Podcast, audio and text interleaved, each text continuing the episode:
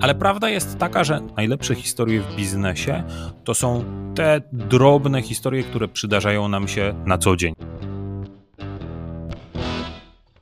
Cześć, nazywam się Tomek Miller, a to jest podcast Kaizen Miracle. Małymi krokami od pomysłu do zysku. To podcast dla przedsiębiorców i tych, co chcą nimi zostać. Chcę, żebyś korzystając z zamieszczonych treści małymi, średnimi lub wielkimi krokami dużo szybciej niż dotychczas osiągał swoje cele biznesowe i prywatne.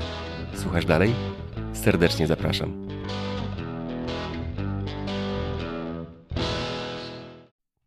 Cześć.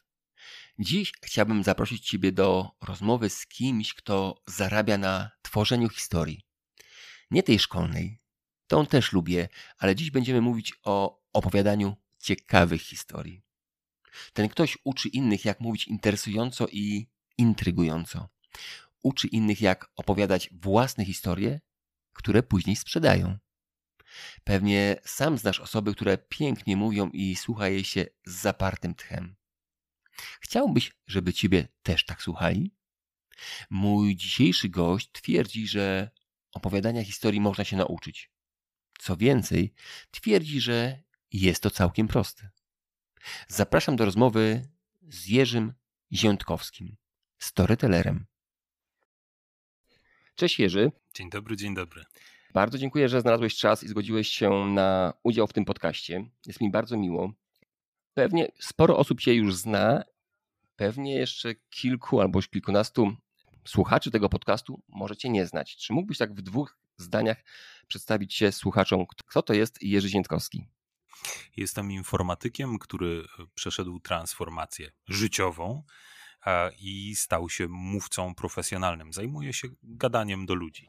Zajmuje się tym, żeby umiejętnie poprowadzić narrację i sprawić, żeby ludzie, którzy siedzą po drugiej stronie, chcieli słuchać, a potem jeszcze chcieli robić. I zasadniczo robię to od 12 lat, od 2008, kiedy pierwszy raz wszedłem na scenę.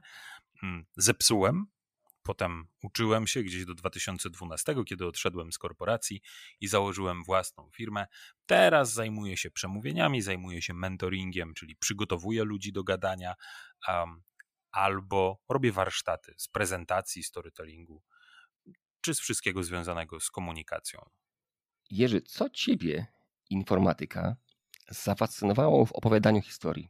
Jak ciebie poznałem, Nic. to masz chyba umysł analityczny i to jest tak jak dwie rzeczy, które się wydają wykluczać, ale ja widzę, że u ciebie się zazębiają. Jak to jest? To jest, to jest złe podejście, bo zapytałeś, co mnie zafascynowało. Nic mnie nie zafascynowało w samym storytellingu, bo ja nie jestem gościem, który się tym fascynuje. Dla mnie to są bardzo proste, bardzo konkretne narzędzia i zasady. Trochę tak, jakbyś zapytał polonistę, co go fascynuje w ortografii czy gramatyce.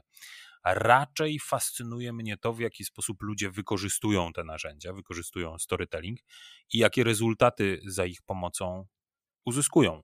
Natomiast same narzędzia to wiesz, to jest trochę tak, że my te historie opowiadamy od kilkuset tysięcy lat co najmniej, e, że nakładka cywilizacyjna, że pismo, e, radio, telewizja, internet, druk są stosunkowo młode, a w porównaniu do języka mówionego bardzo młode, w związku z czym nasze mózgi najlepiej reagują na historię, bo to one były nośnikiem emocji i wiedzy i gwarantowały nam przeżycie przez setki tysięcy lat.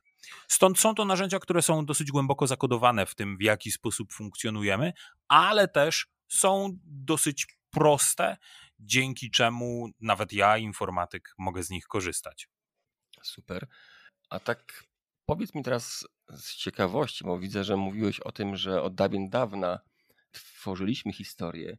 Co trudnego jest w tej chwili, że ludzie tych historii, mam wrażenie, że tworzą dużo mniej niż kiedyś. Ta nakładka cywilizacyjna spowodowała przyspieszenie tego, w jaki sposób żyjemy, w jaki sposób e, wymieniamy się informacjami i spowodowała też spłycenie wiedzy. Mamy dużo mniej czasu na nauczenie się rzeczy, których kiedyś uczyliśmy się przez obserwację, przez naśladowanie. Dość powiedzieć, że Iliada czy Odyseja, które ja mam w postaci książkowej, kiedyś nie były książką, tylko opowiadaniem. Przychodził gość, siadał, zaczynał opowiadać. kilka tygodni później kończył i była opowiedziana historia. I teraz ktoś, kto chciał tę historię opowiedzieć gdzie indziej, musiał poprosić tego gościa, żeby jeszcze raz usiadł, jeszcze raz opowiedział, jeszcze raz. Więc ten czas poświęcony na zdobycie określonej umiejętności i wgranie sobie określonej historii był straszliwie długi. My przyspieszyliśmy i robimy dużo rzeczy o wiele bardziej powierzchownie. Jeżeli chcesz postawić stronę www, napisać książkę, zostać ekspertem, wchodzisz na internet, odpalasz YouTube'a, zaczynasz czytać podręczniki i nagle jesteś tym ekspertem. Ale nie rozumiesz i nie korzystasz. Nie rozumiesz tego wszystkiego, co jest pod spodem Twojej umiejętności, i nie korzystasz z tego w sposób pełny. Dlatego wydaje mi się, że rzeczy, których uczę, są bardzo proste, bardzo podstawowe, bardzo powtarzalne, ale jednocześnie, żeby je opanować w stopniu dającym duże rezultaty, trzeba wielu powtórzeń, trzeba pracy, której nie chcemy dzisiaj dawać. Nie chcemy inwestować naszego czasu, naszego zaangażowania w rzeczy aż tak proste. Wydaje nam się, że opowiedzieć historię to jest 5 minut i tak rzeczywiście jest. Natomiast wydaje nam się również, że dobrze i skutecznie opowiedzieć historię to jest 5 minut, a tak już nie jest. Hmm. Powiedz mi, jak zrobić dzisiaj, no w, tym, w tej okładce cywilizacyjnej, jaką mamy, żeby znowu nauczyć się tak mówić, żeby kogoś historie zaintrygowały, no i co, to, co jest najważniejsze, żeby te historie później sprzedawały, bo uczysz tego, żeby historie sprzedawały produkty dalej, prawda? Mhm. Okej, okay, aha, to jest, to jest zamknięte pytanie. No. Dobra, jak to zrobić? Przede wszystkim trzeba zacząć od uważności i od słuchania. Nie da się zacząć opowiadać historii znikąd, nie da się, znaczy da się oczywiście i wielu ludzi wymyśla historię, um, ale to nie o to chodzi. Chodzi o to, żeby nauczyć się uważności i słuchania, żeby zacząć zauważać naokoło siebie rzeczy, które się nam przytrafiają, rzeczy, które się dzieją i zacząć rozumieć, że najlepsze historie to nie są jakieś wypasione, super historie, dramatyczne. Oczywiście kino, książki, dzisiejsza kultura sugeruje, że jeżeli bohater nie ratuje co najmniej świata, jeśli nie wszechświata, no to nie ma w ogóle sensu iść na taki seans. Cóż nam po bohaterach, którzy ratują coś lokalnego, czyjeś uczucia, czyjeś pieniądze czy czyjeś życie. Najlepiej iść z grubej rury. Ale prawda jest taka, że najlepsze historie, najlepsze historie w biznesie to są te drobne historie, które przydarzają nam się na co dzień. Telefon od niezadowolonego klienta, przelew znikąd, drugi przelew znikąd, rzeczy, które trzeba wyjaśniać, emocje u współpracownika, które wzięły się nie wiadomo skąd i warto to wyjaśnić. Drobne rzeczy, które nas fascynują, kiedy je zauważamy, bo jeśli ich nie zauważyliśmy, to ich tam nie ma.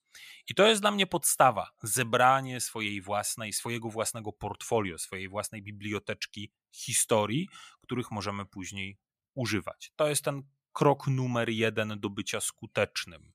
Jeżeli mamy już taki zestaw e, historii, to drugim i ostatecznym krokiem jest umiejętność ich opowiadania, którą zdobywa się opowiadając te historie.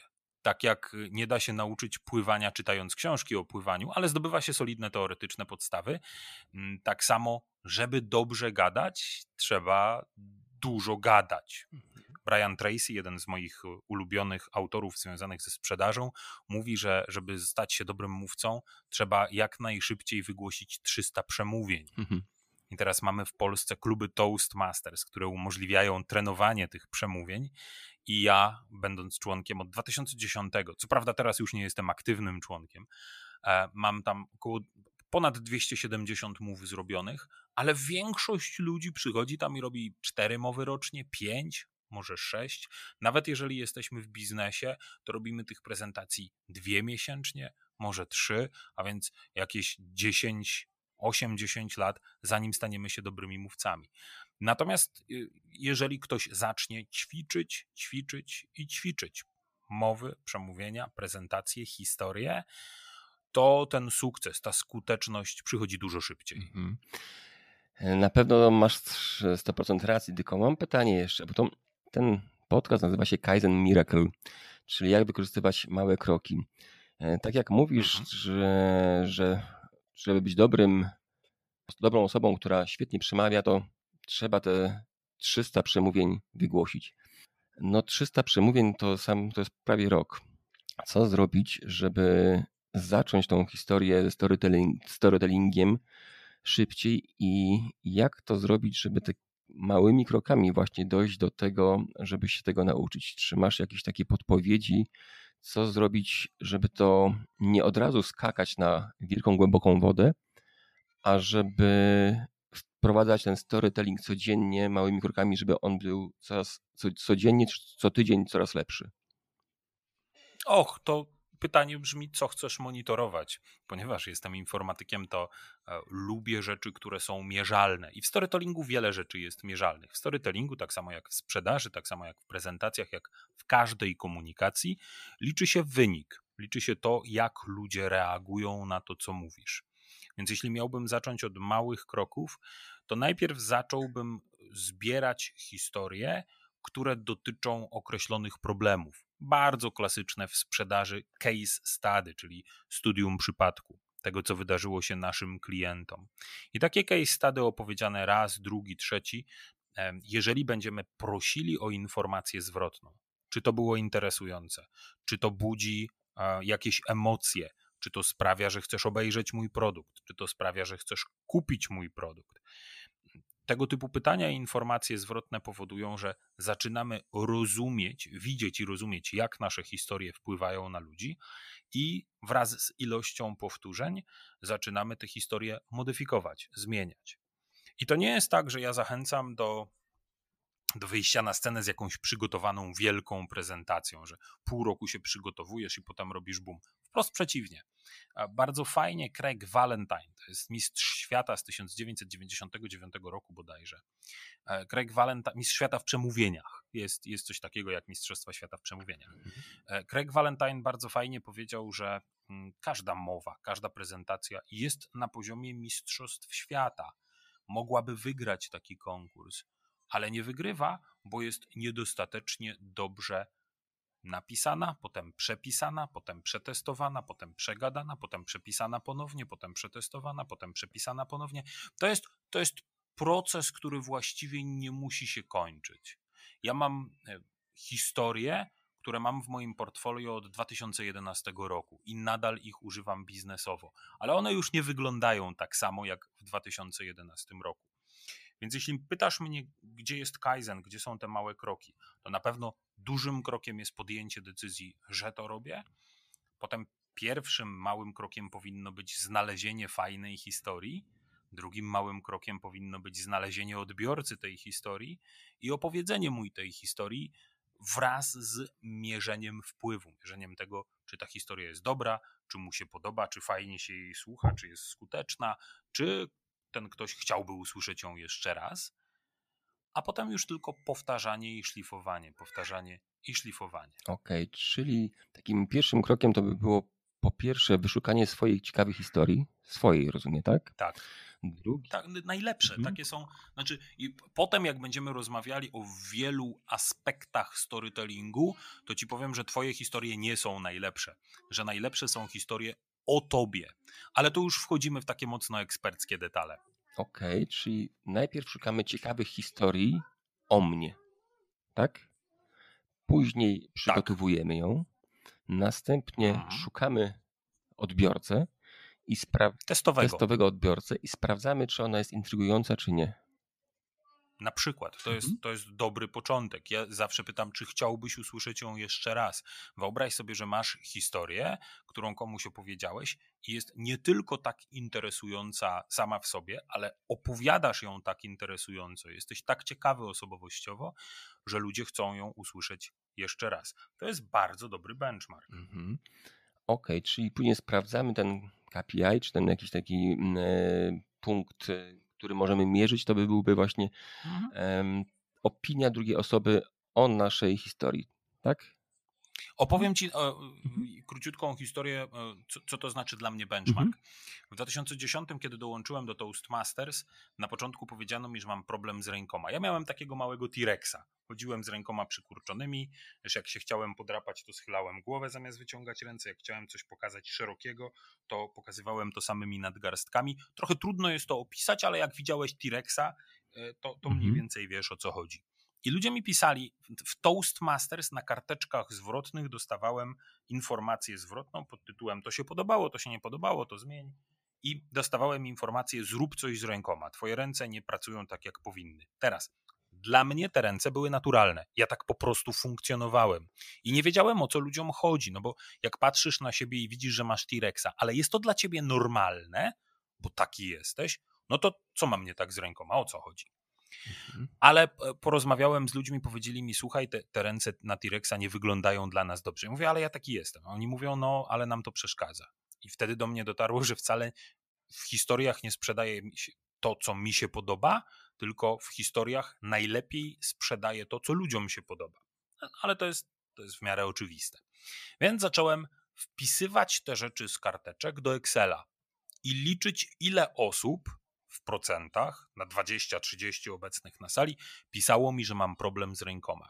I pracowałem nad tym problemem z rękoma, dopóki z Excela nie zaczęły znikać, ta liczba y, informacji zwrotnych na temat rąk nie zaczęła znikać, maleć. Żeby było śmieszniej, pół roku później T-Rex wrócił. Mhm. Jak już o nim zapomniałem, T-Rex wrócił na jednej mowie, na drugiej mowie. E, do Excela wróciło, wróciły liczby związane właśnie z pracą rękoma i stwierdziłem, aha, trzeba T-Rexa przepracować jeszcze raz. Teraz to jest T-Rex, to jest kontakt wzrokowy, to jest odległość od ludzi, sposób w jaki mówisz, dykcja, tempo, głośność, wszystkie benchmarki sceniczne. Ale na poziomie storytellingu to są również rzeczy, które możesz mierzyć po stronie widowni. Zainteresowanie, zaintrygowanie, zrozumienie, chęć zakupu, chęć poczucia jakiejś emocji. To są wszystko rzeczy, na które można i warto zwracać uwagę. Powiedziałeś, że dobra historia jest taka, która podoba się ludziom. Czy masz takie jakieś podpowiedzi, co ludziom się podoba? Bo rozumiem, że ten twój T-Rex się nie podobał, ale czy masz jakieś takie schematy, jakieś mm, stałe rzeczy, które ludziom mogą się spodobać? Najprostsze trzy rzeczy, którymi mogę się podzielić. Po pierwsze, ludzie uwielbiają zmiany emocji. I to zarówno zmiany emocji dotyczące bohatera, jak i zmiany emocji e, ich samych. Jeżeli twoja historia nie ma zmian emocji, to nie jest historią. To jest. E, no to, to, to nie jest historią. W, w, każdej historii, dobrze opowiedzianej historii, są, e, są zmiany emocji. E, druga rzecz to dopasowanie historii do potrzeb widowni. Jeżeli opowiadam o e, wyprawie na biegun południowy ludziom, którzy mają problemy z serwerami, no to to jest słaba historia dla nich. Ale jeżeli pokażę, w jaki sposób jedna z ekip z tego bieguna południowego um, pracowała z technologią, bo tak było, w jaki sposób druga pracowała, to być może pokaże im, jak oni powinni zastanowić się nad sposobem rozwiązywania swoich problemów. I wtedy nagle ta historia zaczyna pasować. No i trzecia rzecz to rozwój. Cóż z tego, że usłyszeliśmy piękną historię, jeżeli ta historia nic nam nie daje? Ludzie uwielbiają poczucie, że doświadczyli czegoś nowego i użytecznego. Teraz, jeżeli opowiem fascynującą historię, ale ludzie wyjdą z poczuciem, no tak, było fajnie, posłuchaliśmy, so what, co z tego? To może się okazać, że nasza historia, mimo cudownej treści, fantastycznego języka, była tylko rozrywką, co też może być celem samym w sobie. Niemniej jednak, z mojego doświadczenia, jeżeli moja historia czegoś uczy, to jest o wiele skuteczniejsza niż zwykłe proste historyjki, tylko ku uciesze gawiedzi i ku rozbawieniu mas opowiadane. Tak więc te, te trzy rzeczy: zmiana emocji, dopasowanie do widowni i rozwój.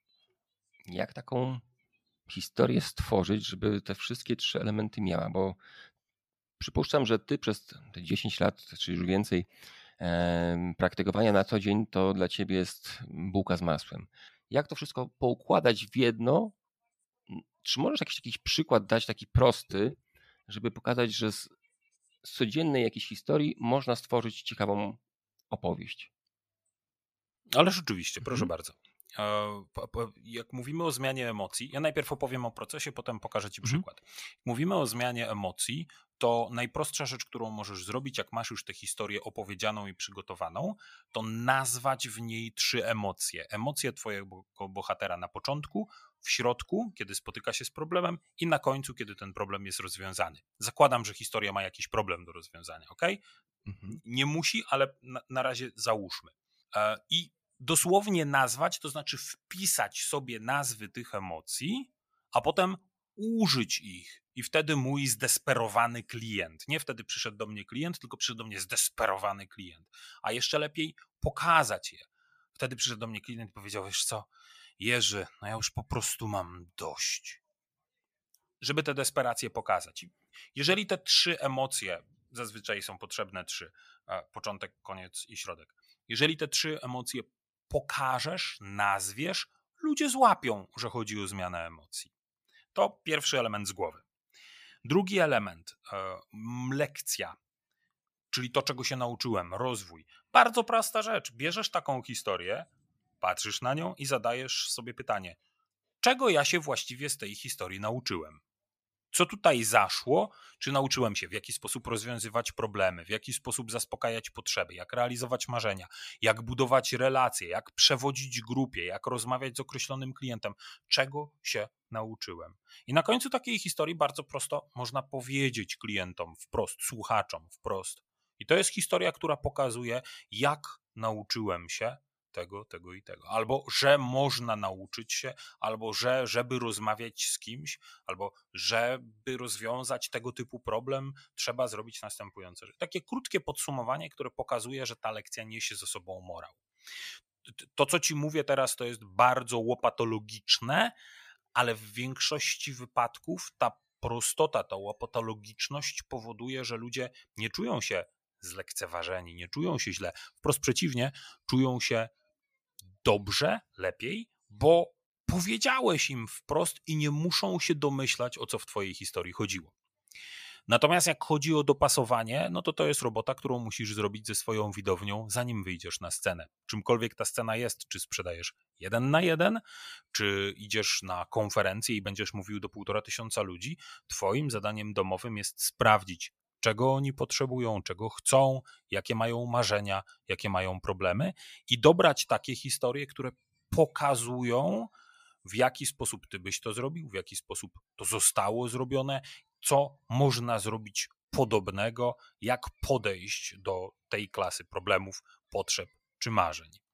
I to jest, to jest bardzo prosty proces. Tak jak mówiłem, dla mnie storytelling jest prosty, nawet banalny, tylko potrzeba dużo pracy, którą włożysz w to, żeby, żeby działał, żeby był skuteczny. Okej. Okay. A jeszcze mam jedno pytanie, bo gdy sprzedajemy jakieś produkty, rozumiem, że mamy piękną historię, że stworzyliśmy historię opowiadającą o naszych produktach, że gdzieś u kogoś zadziałało i jest ten element końcowy. I co wtedy taki początkujący sprzedawca ma mówić i kup pan u mnie, czy... Nie, i dlatego uważam, hmm. że warto kupić. Gdybyś był na moim e, webinarze Błyskawiczny Storytelling, ja tam mówiłem o czymś takim, co się nazywa modyfikatory zakończenia historii, hmm. czyli słowa, które celują w odpowiednie wartości albo potrzeby e, twojego klienta. I kiedy kończę historię, mówię i dlatego opłaca się kupić moje szkolenie jeżeli mówię do ludzi, którym zależy na gotówce. Mhm. Teraz, jeżeli oni są napędzani przez wartości, to mówię i dlatego warto wziąć udział w moim kursie, albo dlatego musicie, jeżeli czują, jeżeli to są ludzie, którym trzeba powiedzieć, że trzeba coś zrobić. Takie niemieckie podejście. Ordnung muss sein. Musi być porządek i dlatego musicie kupić ten kurs, żeby się tego porządku nauczyć. Albo mówimy, że e, dobrze jest, naprawdę dobrze jest wziąć udział w tym kursie, bo tak jak i my lubimy relacje, tak jak wy lubicie relacje i ten kurs te relacje daje, dlatego dobrze jest. Te, te modyfikatory zakończenia historii powodują, że nagle domykanie sprzedaży czy domykanie mówienia jest prostsze, bo masz określone schematy. To nie są gotowce. To są schematy, w ramach których się poruszasz. Do tych schematów wkładasz swoje własne historie i swoją własną treść, ale one ułatwiają wyjście na scenę i swobodne poruszanie się, zarówno po scenie w sensie fizycznym, jak i po historii w sensie mentalnym, w sensie tego, co oferujesz swojej widowni. Więc y, myślę, że to jest dobra odpowiedź, że, że nie mówisz, to teraz proszę kupić, tylko mówisz i dlatego warto kupić. Albo mówisz historię swojego klienta i mówisz widowni i dlatego mój klient uznał, że warto kupić ten produkt. I tu zamykasz. Jeżeli będą czuli, że warto, to przyjdą i kupią. Mhm. Mówisz tak o dużych scenach. E, przypuszczam, że dla słuchaczy tego podcastu te duże sceny będą czymś przerażającym. Czy tak samo to działa dla dużych scen? Czy tak samo to działa, gdy sprzedajemy bezpośrednio jeden tu jeden, czy jeden do dwóch osób? Tak. Okej, okay, dobra. Krótko, co, ci, co ci mogę mhm. powiedzieć? Wiesz, e, zaletą mówienia na dużych scenach jest fakt, że oszczędzasz czas, że mhm. docierasz do setek ludzi jednocześnie. Wadą jest to, że nie każdy może ci zadać pytanie, nie każdy może rozwiać wątpliwości, nie każdy może do ciebie podejść, ale i tak widzieli cię, przechodzili koło ciebie i jesteś żywym człowiekiem z krwi i kości, a nie nagraniem na YouTubie, e, więc wiarygodność idzie w górę. Oczywiście tą wiarygodność można rozwalić sobie, nie używając logiki w prezentacji, ale jest to dla mnie najprostsza i najszybsza droga do zwiększenia sprzedaży. Z drugiej strony, kiedy siedzisz jeden na jeden, to ten storytelling jest trochę mniej potrzebny, bo masz akcja, reakcja, masz bezpośrednią relację. Jesteś w trybie zwykłej rozmowy ze zwykłym człowiekiem naprzeciwko ciebie i większość Twoich słuchaczy zgaduje, potrafi to robić bez pudła. Ale zasady rządzące komunikacją działają i tutaj, i tutaj. I tu, i tu patrzysz komuś w oczy, jesteś blisko, używasz słów, używasz gestów, uśmiechasz się lub nie, opowiadasz historię, która dociera i jest ważna dla słuchacza, albo nie. Tylko w wypadku e, rozmowy jeden na jeden bardzo często masz ten wynik binarny i namacalny, natomiast w wypadku konferencji masz ten wynik binarny razy liczba uczestników i niekoniecznie od razu, e, bo ktoś kupi do, od ciebie dopiero za pół roku, albo ktoś wyśle ci maila dopiero za trzy miesiące. Okej, okay, czyli warto. To chyba jedyna mhm. różnica. Czyli warto występować, bo dzięki temu docieramy do większej ilości klientów. Do, ależ to, to wiesz, to nie jest odkrycie z lat 90. zeszłego wieku, to jest odkrycie z lat ojej, to, to, to sprzedawcy tak zwany snake oil, czyli ci wszyscy oszuści, którzy krążyli po e, miasteczkach Stanów Zjednoczonych i jeździli od miasteczka do miasteczka, nigdy nie wizytując drugi raz tego samego, bo, bo wciskali ściemę, e, wiedzieli najlepiej, że jeżeli chcą sprzedać dużo, to muszą zebrać wszystkich w jednym miejscu, dokonać jak najszybciej sprzedaży, a potem zniknąć. I niezależnie od etycznej oceny takiego biznesu, on był przerażająco skuteczny. I ja sobie zostawiam tę skuteczność, dokładając etykę. Okay. Tyle. Fajnie. Jerzy, a czy możesz podać takie przykłady Twoich historii bądź Twoich klientów, które odniosły jakiś spektakularny jakiś sukces, czy odniosły jakieś takie coś wyjątkowego, że... Czekaj, ty chcesz przykłady historii, czy chcesz, żebym opowiedział historię o przykładach? Wiesz co, chciałbym, chciałbym historię, która się wydarzyła, taką prawdziwą historię, która ci sprzedała bardzo dużo. Właśnie tak jak tu opowiadałeś, że na początku może ktoś był kiepskim albo ktoś startował i nie wiedział jak sprzedać i później jak y, historia pomogła mu sprzedać swój produkt. To jest to jest troszeczkę tak, widzisz, że y, większość historii, które mam, dotyczą historii moich klientów, ale to są historie ich sukcesów i nie ma w nich ich historii, które opowiadali, żeby ten sukces osiągnąć. Czyli mogę na przykład opowiedzieć Ci o moim kliencie, który był szefem dużej firmy logistycznej w Polsce, był prezesem. Pracowaliśmy przez dwa lata razem. Raz na kwartał mnie zapraszał, po tym jak, jak przeszedł ze mną szkolenie, raz na kwartał mnie zapraszał i e, przygotowywaliśmy jego jakąś tam prezentację, czy to na spotkanie zarządu, czy to dla jego e, ludzi, dla jego pracowników, czy to dla klienta. I po tych dwóch latach przyszedł, poprosił, żebym e, przygotował mu prezentację dla zarządu, takiego światowego. No i po tej prezentacji okazało się, że przestał być prezesem na Polskę Natomiast zaczął być prezesem na Amerykę Południową. I to, to jest olbrzymi sukces, bo e, praca z nim to nie była tylko praca na liczbach. On uwielbiał liczby, on uwielbiał fakty, ale uczyłem go też e, budowania relacji i uczyłem go opowiadania historii, tego, żeby wplatał historię tam, gdzie te liczby potrzebowały gruntu, żeby rozkwitnąć. I troszeczkę podlewania wody, e, żeby rozkwitnąć. Mhm. Więc to jest jedna z takich, e, jeden z takich przykładów. Drugim przykładem, takim, który odpowiadam, opowiadam od chyba 2011, jest przykład dyrektora finansowego który zadzwonił do mnie spanikowany, bo musiał zrobić pięciominutowe e, sprawozdanie finansowe, jak co kwartał, ale na poprzednim powiedziano mu, że nie jest inspirujący. I to było takie ostrzeżenie na zasadzie, że jeżeli powiedzą mu to drugi raz, to właściwie go zwalniają. Bo jak wszystko było ok, to nic nie mówili.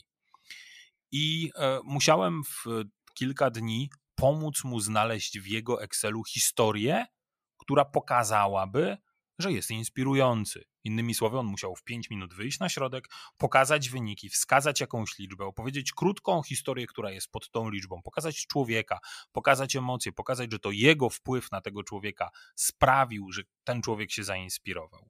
No i rzeczywiście e, ówże dyrektor oddzwonił do mnie po swojej prezentacji, krzycząc w słuchawkę: Udało się, udało! Nie zapytałem, i co powiedzieli? Nic.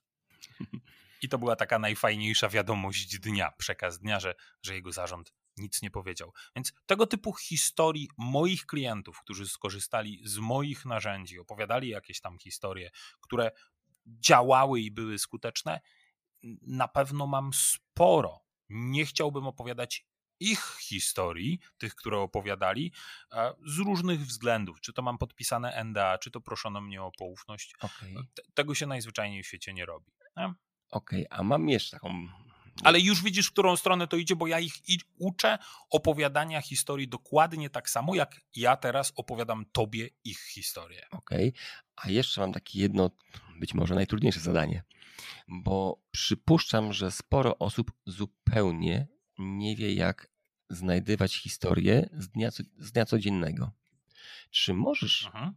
opowiedzieć jakąś historię, którą dzisiaj ci się przydarzyła, którą mógłbyś tak opowiedzieć, żeby ktoś chciał od ciebie coś kupić?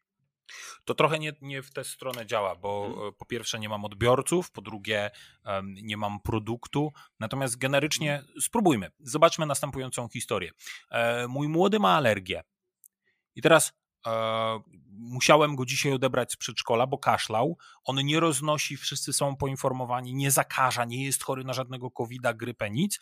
Po prostu ze względu na alergię e, miał katar, to mu spłynęło do gardła, teraz odkasłuje to, już od tygodnia tak jest. Ale dzisiaj wrzuciliśmy go do przedszkola, bo przez ostatnie kilka dni mało kaszlał.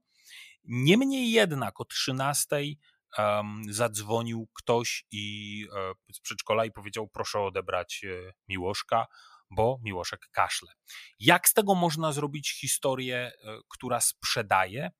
Bezpośrednio nie. Ale jeżeli siedzisz na wprost klienta i ten klient ma dzieci i ty wiesz o tych dzieciach, to możesz zacząć opowiadać te historie. Mówić, rozumiem, jak jest ciężko w tej chwili rodzicom, którzy, jeżeli dziecko tylko zachoruje, to muszą wrócić do home office, e, muszą brać nianie, muszą. To wszystko. Ja wiem, jak, jakie to jest uczucie, i dlatego moje produkty są po to, żeby pani miała więcej czasu, albo po to, żeby lepiej kontrolować to, co robimy, albo po to, żeby móc pracować z home office i się jednocześnie zajmować dziećmi. E, to, to jest w tę stronę droga. Okej. Okay. Pamiętaj, pamiętaj proszę, że poprosiłeś mnie o to, żebym dał ci lekarstwo na to, co masz, na cokolwiek, co masz. I teraz ja, jak każdy storyteller, albo mogę ci opowiedzieć jakąś historię, która jest fajna, ale nie zadziała, albo mogę zrobić rozpoznanie, osłuchać cię, zrobić rentgena, tomografię i potem zrobić taką, e, taką historię, która będzie działała. Od ręki to tak nie funkcjonuje, że wezmę coś z mojego dzisiejszego dnia i opowiem w taki sposób, że będziesz chciał kupić e, coś ode mnie. Mhm. Czyli żeby stworzyć fajną historię, która sprzedaje, to nie jest tak, że wyszukujesz ją codziennie, każdego dnia, tylko że przygotowujesz kilka własnych historii, które są ciekawe, powiedzmy z miesiąca, z tygodnia, czy z dwóch tygodni i opowiadasz je w ten sposób, żeby zaintrygować klienta, ale ją, tą historię przygotowujesz nie e, w ciągu pięciu minut, tylko przygotowujesz ją dłużej, dwie godziny, trzy godziny, tak żeby kogoś zaintrygować. Bardziej to jest to praca taka od podstaw niż taka praca ad hoc, rozumie, tak? A zróbmy to w drugą stronę. Mhm. Tomek, kto jest Twoim klientem? Moim klientem są firmy, które się rozwijają, małe, średnie firmy. Okej, okay. jaki mają problem? Problem mają taki, że nie wiedzą, jak dotrzeć do swoich klientów, nie wiedzą, jak sprzedawać, albo nawet często co sprzedawać, tak, żeby mm, przynosiło to duże zyski.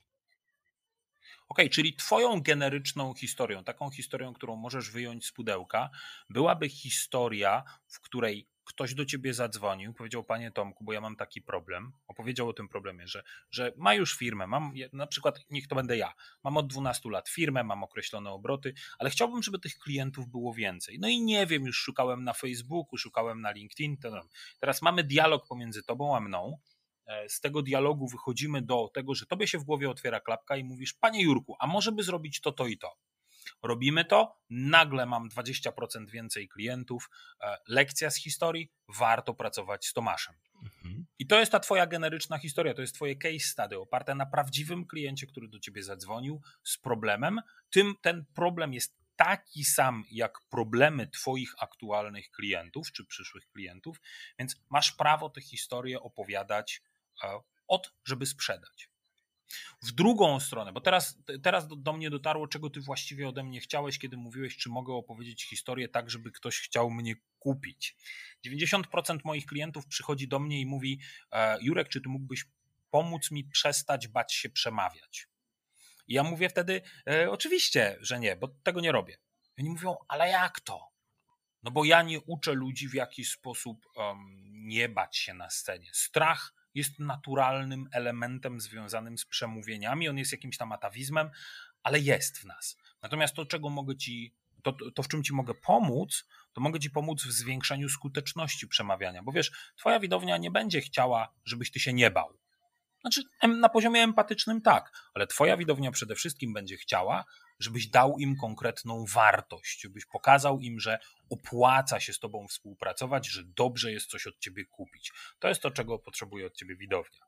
I mam takiego biednego dyrektora sprzedaży, który stoi przede mną i zaczynają mu się oczy świecić. I on mówi: Ty, bo ja zawsze myślałem, że jak ja będę wyluzowany, to, to, będzie, to będę robił lepsze prezentacje.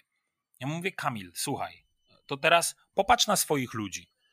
Teraz, drodzy, kto zauważył, że Kamil się stresował przed prezentacją? No i tam dwie osoby na 20 podniosły ręce. A komu to przeszkadzało? Zero rąk. Mówię, Kamil, zobacz, ludzie mają totalnie w trąbce, czy ty się stresujesz, że ty się stresujesz i jak się stresujesz. Dopóki nie masz objawów fizjologicznych, typu, nie wiem, masz zalany potem buty albo mdlejesz na scenie, nikogo nie obchodzi, czy się stresujesz, czy nie. Weź wyluzuj albo nie wyluzuj, ale rób swoje. Tak. I to jest coś, czym ja zmieniam moim klientom sposób patrzenia na to, po co oni do mnie właściwie przychodzą. Oni nie przychodzą po to, żeby. Oni przychodzą myśląc, że chcą się nie bać na scenie, a dostają narzędzia do skutecznego zwiększania sprzedaży. Okej. Okay. Kropka, koniec historii. Super. Dzięki. Czy z tego, co ja znowu wiem, że to większość osób jest e, zafascynowanych tylko i wyłącznie własną osobą. W związku z tym, gdy jesteśmy na scenie, to i tak cała widownia myśli o tym, jak tu nie głupio się nie zachować, jak to krzywo się nie popatrzeć, żeby inni, nie, inni którzy mnie z boku obserwują, nie posądzili mnie o jakąś śmieszność. I ten prowadzący na, na e, prowadzący, czy ten, ta osoba, która się wypowiada, to w ogóle nie jest aż tak, aż tak istotna. Każdy potrzebuje tylko to, co jest istotne dla niego i skupione jest głównie na sobie. To jest troszeczkę tak jak z aktorami. Jak gra Leonardo DiCaprio w filmie, to widzisz, że gra Leonardo DiCaprio w filmie. Natomiast Anthony Hopkins, nie ujmując nic Leonardo DiCaprio, jak się kończy film i lecą końcowe napisy, patrzysz mówisz, o rany, to był Anthony Hopkins. Potrafi się wcielić w kogoś, być przekaźnikiem postaci tak, że nie widzisz, że to był aktor Anthony Hopkins. I teraz rolą sprzedawcy, rolą mówcy, rolą prezentera jest nie być gwiazdą per se, tylko być przekaźnikiem historii w taki sposób, żeby ludzie najpierw byli zafascynowani historią, a potem nagle odkrywali, że tam stoi ktoś, kogo tak fantastycznie się słucha, że chcą więcej i więcej i więcej. Hmm. Jerzy, co jest według ciebie najtrudniejsze w opowiadaniu historii? Wstać rano i tutaj brzydkie okay. słowo mi się nasuwa, dalać, nie? Wstać rano, mhm. wstawać każdego ranka ze świadomością, że dzisiaj opowiem 20 razy tę samą historię i że za każdym razem ona musi być na podobnym poziomie i jej odbiór musi być. Praca, ciężka praca. To jest, to jest najtrudniejsze w storytellingu. A co jest tam? Mhm. Storytelling nie ma zagadek, tajemnic, nie ma sekretów. Najtrudniejsze jest pracować nad tym. A co jest najłatwiejsze?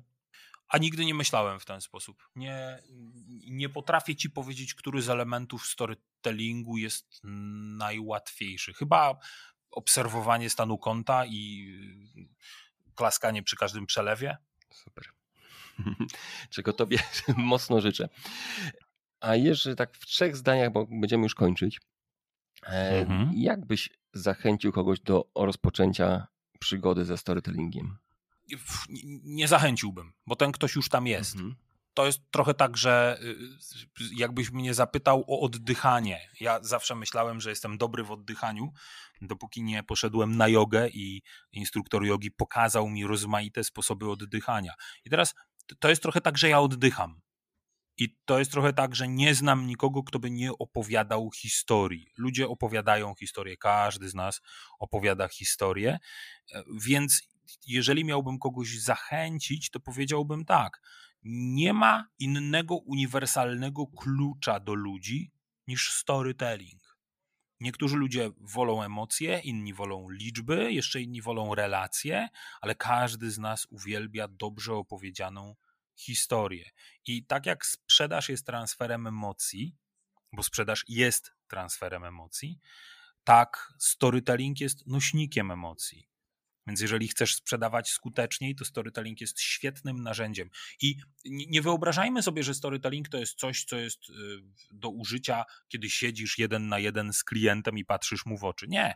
Ten storytelling pojawia się na etapie budowania marki, na etapie PR-u, na etapie marketingu, na etapie postsprzedażowym. Jednym z najpiękniejszych miejsc do storytellingu jest faktura, na której w tej chwili, jeżeli wystawiasz faktury, jest tylko informacja o tym, ile zapłacić, numer konta, konta, dane, które są wymagane przez prawo, a z tyłu jest piękna, pusta kartka A4, na której mogłaby znaleźć się ciekawa i intrygująca historia, która sprawi, że Twój klient się uśmiechnie, czytając fakturę, a to kolejny punkt styku z jego emocjami. Super, dzięki. E, ja bym chyba jeszcze podsumował to mm, tak jak ty powiedziałeś swoją metaforę, że ten storytelling to jest coś takiego jak właśnie oddychanie, że każdy oddycha każdy już to trochę ma, tylko ważne jest, żeby nauczyć się oddychać, czy opowiadać historię trochę lepiej niż dotychczas. Mhm. E, Jerzy, wielkie dzięki za poświęcony czas. Jestem przekonany, że tutaj wiele osób usłyszało wiele ciekawych i inspirujących ich rzeczy. Jeszcze na koniec e, powiedz mi, gdzie ludzie mogą Cię znaleźć? E, tu jestem w piwnicy.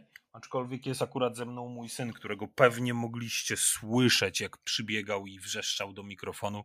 Przed chwilą mi powiedział, że jest głodny, więc zaraz idę do kuchni. Gdybyście mnie szukali, to jestem w kuchni. Ziętkowski.pl to jest moja strona www. Jestem też obecny na LinkedIn, jestem na Facebooku. E, bardzo łatwo znaleźć mój numer telefonu. Lubię odbierać i rozmawiać na różne ciekawe rzeczy. E, będę teraz na Akademii Mówców Brian Tracy International. E, tam będę szkolił ludzi z przemawiania właśnie. No i mam nadzieję, że po pandemii otworzy nam się worek z konferencjami i będzie można mnie w kilku miejscach gdzieś na żywo nareszcie zobaczyć. Super. Jerzy, jeszcze raz wielkie dzięki i w takim razie do usłyszenia, zobaczenia bądź na scenie, bądź w kuchni, bądź w piwnicy u Ciebie. O, hashtag do zobaczenia na scenie. Trzymaj się, dzięki, cześć. I jak Ci podobał ten odcinek? Mam nadzieję, że znalazłeś w nim sporo inspirujących rzeczy, które pozwolą Ci szybciej i lepiej się rozwijać. Jeżeli Ci się spodobał ten odcinek, zasubskrybuj podcast i czekaj na kolejne odcinki. Następny już w kolejny wtorek. Cześć! I jak Ci się podobał ten odcinek? Jeżeli coś Ci się spodobało, choć jedna rzecz, i uważasz, że jest ona dla Ciebie ważna, to znajdź szybko zeszyt lub telefon i zapisz to sobie. Być może są to dwie albo trzy rzeczy. Zapisz je sobie. Wiesz, tak, żeby nie zapomnieć. I jeszcze jedno. Jeżeli podoba Ci się ten podcast i uważasz, że to, co robię, jest wartościowe dla Ciebie i dla innych, to zapraszam do grupy patronów. Ty też możesz nim zostać. Będzie mi bardzo miło, jak docenisz to, co robię. Patronem możesz zostać na stronie www.patronite.pl ukośnik Kaizen Miracle. I to już wszystko. Do usłyszenia za tydzień. Cześć!